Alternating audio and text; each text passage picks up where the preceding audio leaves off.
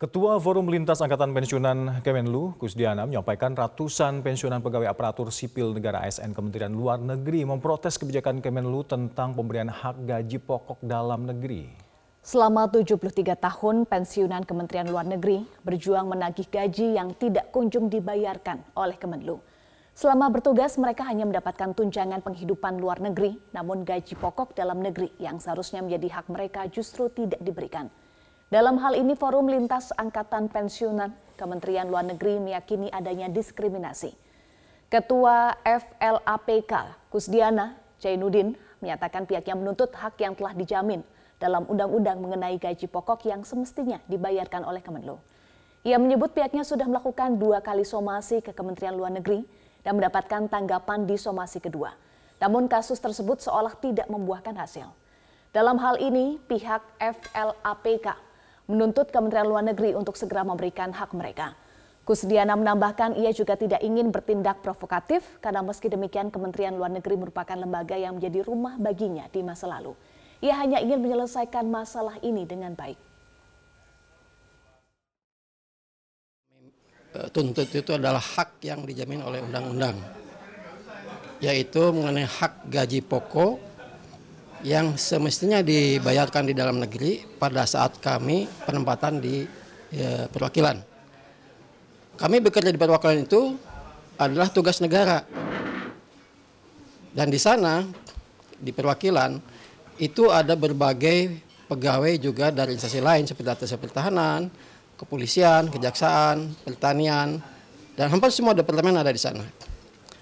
Mereka selain mendapatkan uh, tunjangan kemahalan, tunjangan pokok luar negeri, gaji mereka di dalam negeri, gaji pokoknya itu tetap dibayarkan. Hanya pejabat Kemlu saja yang uh, tidak dibayarkan. Dan itu sudah berlangsung sejak tahun 1950. Jadi uh, kami sudah tidak menerima tunkin, gaji juga udah uh, sekian persennya gitu loh. Sementara kemampuan, kemampuan kami untuk mencari nafkah yang lain udah sulit karena usia, kesehatan juga menurun.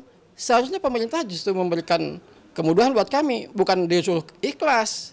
Ini terbalik buat kita. Jadi ini diskriminasi yang menurut saya tidak pada tempatnya. Pemirsa tiga orang diamankan Kejati Bengkulu dan Kejaksaan Agung di Jakarta Selatan. Ya, mereka ini diduga melakukan penghalangan penyidikan dalam kasus dengan tindak pidana korupsi, pelaksanaan dan pengelolaan dana bantuan operasional kesehatan di 16 puskesmas yang ada di Kabupaten Kaur, Provinsi Bengkulu. Operasi tangkap tangan OTT yang dilakukan tim gabungan dari tim Tabur Kejaksaan Agung dan tim Tabur Kejaksaan Tinggi Bengkulu ini dilakukan terhadap tiga tersangka yakni berinisial BS warga desa Tolan Kampung Rakyat Sumatera Utara. AH warga Bojongkulur, Provinsi Jawa Barat, dan RN warga Serotan, Provinsi Sumatera Utara.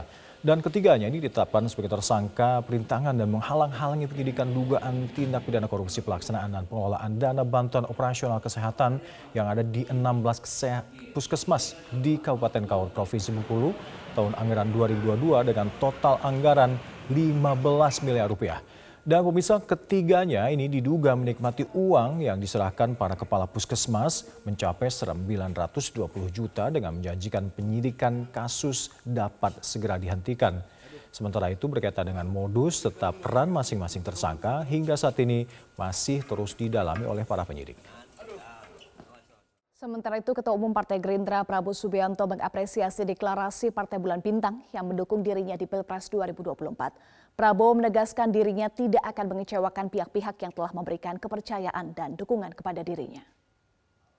Menyampaikan suatu keputusan Partai Bulan Bintang, yaitu suatu deklarasi yang mencalonkan saya sebagai Presiden Republik Indonesia tahun 2024 2029 sungguh adalah sesuatu yang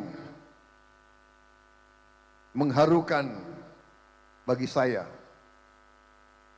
Dalam deklarasi tersebut disampaikan beberapa pertimbangan dan dalam pertimbangan-pertimbangan tersebut terkandung harapan.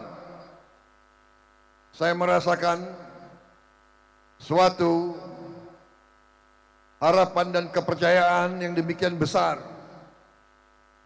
kepada diri saya. Dan saya hanya bisa berdoa dan minta pertolongan kepada Allah Subhanahu wa taala sehingga supaya saya mampu menjalankan harapan-harapan itu sehingga saya tidak akan mengecewakan pertimbangan-pertimbangan dan harapan-harapan tersebut. Pemirsa tersisa kisah menarik di balik penyelenggaraan haji musim ini yang mengusung tema haji ramah lansia. Ada para petugas yang sepenuh hati mengawal pelaksanaan safari wukuf jemaah lansia ini. Mereka mengurus para jemaah dari sebelum dan pada saat proses wukuf di Arafah layaknya melakukan orang tua mereka sendiri. Penugasan kali ini menjadi tidak biasa bagi Dr. Laksmana Ari dan perawat Rudianto. Keduanya untuk pertama kali menjadi petugas pada penyelenggaraan haji tahun ini. Tugas perdana yang begitu membekas. Dr. Lesmana Rudianto dan 54 tim medis yang tergabung dalam petugas penanganan krisis dan pertolongan pertama pada jemaah haji atau PKP 3JH diamanahi mengawal proses safari wukuf jemaah haji lanjut usia atau lansia dan berkebutuhan khusus. Mereka dengan kondisi yang sangat membutuhkan perhatian dan tidak sanggup untuk wukuf sendiri. Bismillah. Ini luar biasa datang dengan apatis, low intake, lemas badannya. Seharian tuh di tempat tidur saja. Bahkan mohon maaf ya sampai buang kotoran di tempat tidur. Ya kita rawat. Jelang wukuf di Arafah, petugas mengurus semua kebutuhan jemaah dari hal yang paling dasar seperti memandikan, membersihkan kotoran, menyuapi, dan mengajak mereka berbincang. Kemudian kita nyuapin, kita bersihkan semuanya, pakaiannya dan sebagainya. Karena begitu datang kan mereka juga pakaian acak-acakan tuh. Ada yang nggak bawa pakaian, Pak. Masya Allah, sehingga kami berusaha bagaimana nih. Alhamdulillah, ini dapat akomodasi ya, termasuknya apa itu pakaian haram ya apa adanya lah kita kita kasih ya.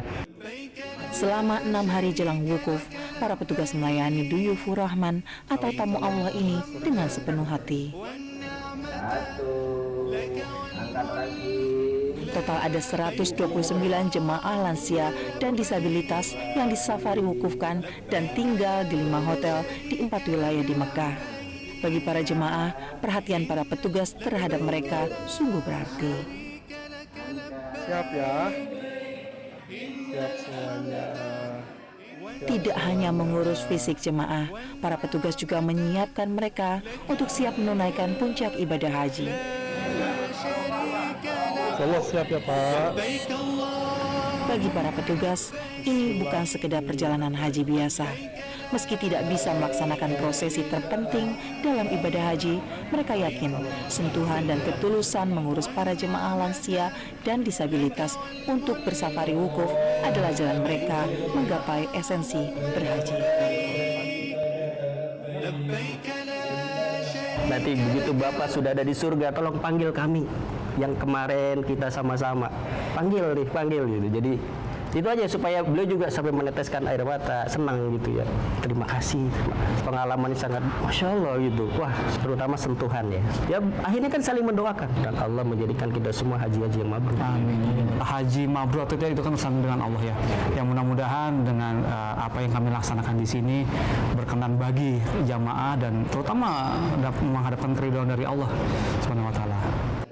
Direktur Penyidikan KPK Brigjen Asep Guntur dikabarkan mengundurkan diri setelah polemik operasi tangkap tangan yang melibatkan Kabasarnas. Ya, dan keputusan ini dilakukan usai pimpinan KPK meminta maaf ke TNI untuk kehilafan terkait dengan OTT ini.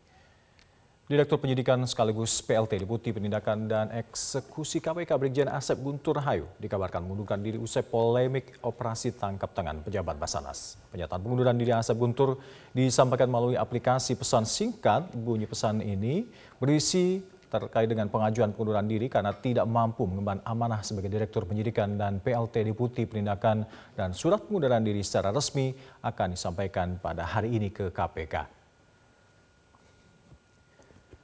Pemirsa dalam pesan tersebut juga Asep menegaskan apa yang telah dilakukan dirinya setarkan penyelidik, penyidik dan juga penuntut umum semata-mata dalam rangka upaya pemberantasan tindakan korupsi di tanah air.